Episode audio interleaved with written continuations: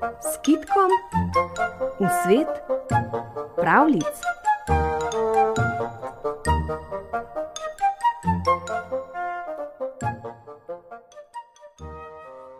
Notri pod gozdom je živela neka ženska s svojim sinom Edinčkom. Drugega nista imela, kakor revno kajžo.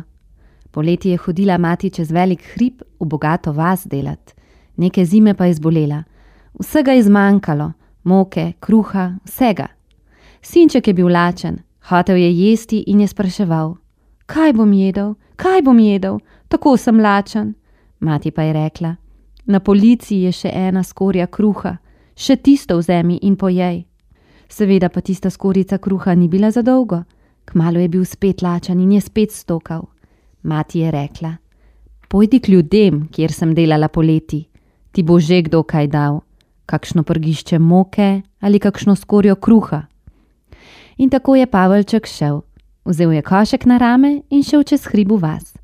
Revček pa ni vzel nobene vreče ali rute, da bi moko notri deval. Kar v koš je stresal, kar so mu ženske dajale. Ko je dobil že poln košek moke, se je odpravil nazaj domov, da bi mati brškaj skuhala. Zdaj pa ne bova več lačna, si je mislil. Ko je prišel na tisti visoki hrib, pa je zapihal veter, košek pa pokrit ni bil, in tako mu je veter vso moko razpihal. Ko je prišel domov, je bil košek prazen. Kaj je pa to, da ni zdaj nič notri? je dejal. Mati pa, vidiš, ko nisi koška nič pokril, moko bi moral dati v vrečo ali v kakšno ruto, to ti jo je veter čez hrib razpihal. Zdaj gre Pavelček na hrib in zaupije: Veter, daj mi moko nazaj. Upije, dolgo upije, pa stopi preden velik zelen mož. Kaj tako piješ? pravi.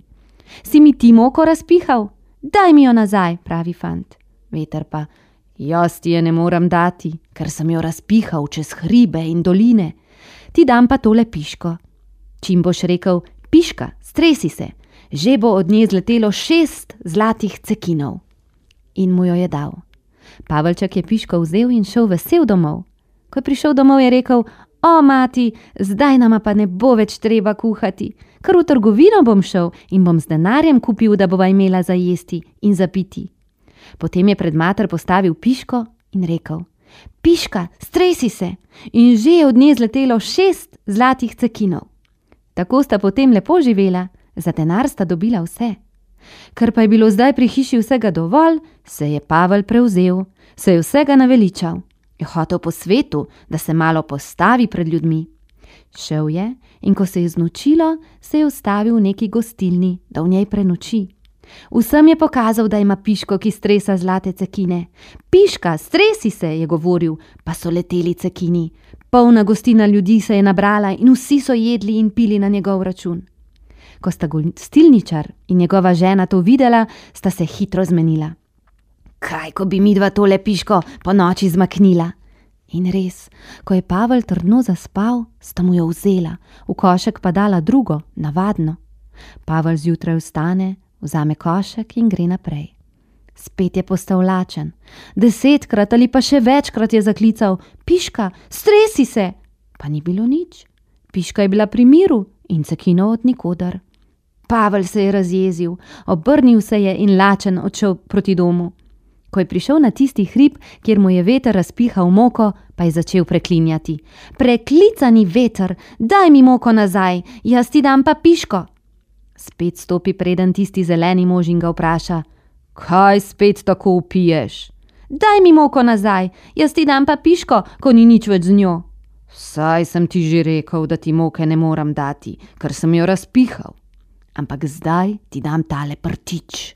Kadar boš rekel prtič, pogrni se, bo na njem vsega: potice, mesa, vina, štrukljev, vsega, kar ti bo srce poželelo. In je izginil. Pavel je šel vse vesel nazaj domov in je povedal materi: Mati, zdaj nam bo pa še bolje, niti v trgovino ne bo treba več, bova kar doma in kadar bova lačna, bova jedla in pila. Potem je zaklical: Prtič, pogrni se! In prtič se je pogrnil, da je bilo na njem vsega, kar mu je srce poželelo. Spet sta nekaj časa tako živela, potem pa si je Pavel zamislil, da bi spet odšel po svetu. Spet ni našel miru doma, spet ga je vleklo, da bi se razkazoval in bahal s prtičem, in je šel. Noč ga je ujela na poti in spet je moral prenočiti v neki gostilni. Tudi v tej gostilni se je nabralo veliko ljudi, ko so videli, kaj ima. On je samo klical: Prtič, pogrni se! Ljudje pa so jedli in se veselili. Seveda tudi gostilničar je videl, kaj ima, da ni bilo treba nič točiti iz sodov, tudi v shrambo nič, pa so vseeno vsi jedli in pili. Kaj, ko bi jaz tole zamenjal, si je mislil, kako bogat bi postal, če bi imel tak prtič. In tako sta ženo sklenila, da mu bosta po noči, ko bo fant trdno spal, prtič zmaknila. Res sta ga. Ko se je Pavel zjutraj prebudil, bi rad kaj pojedel, pa je vzel prtič iz koša in zaklical: Prtič, pogrni se! Prtič je pa kar miroval, nič ni dal od sebe. Čeprav je večkrat zaklical, nič. Prtič ni več slišal. Kaj naj zdaj Pavel, moral se obrniti, pa ni hotel naravnost domov, ker bi ga mati kregala. Na tisti hrib je šel, kjer mu je veter prvič moko razpihal in je spet začel klicati. Preklicani veter, daj mi moko nazaj! Ko dolgo, dolgo tako kriči, pa spet pride tisti velikan v zeleni obleki. Kaj spet tako kričiš? pravi. Kaj ti je spet? Daj mi moko nazaj, pravi Pavel. Jaz ti dam pa prtič, ker ni nič več vreden.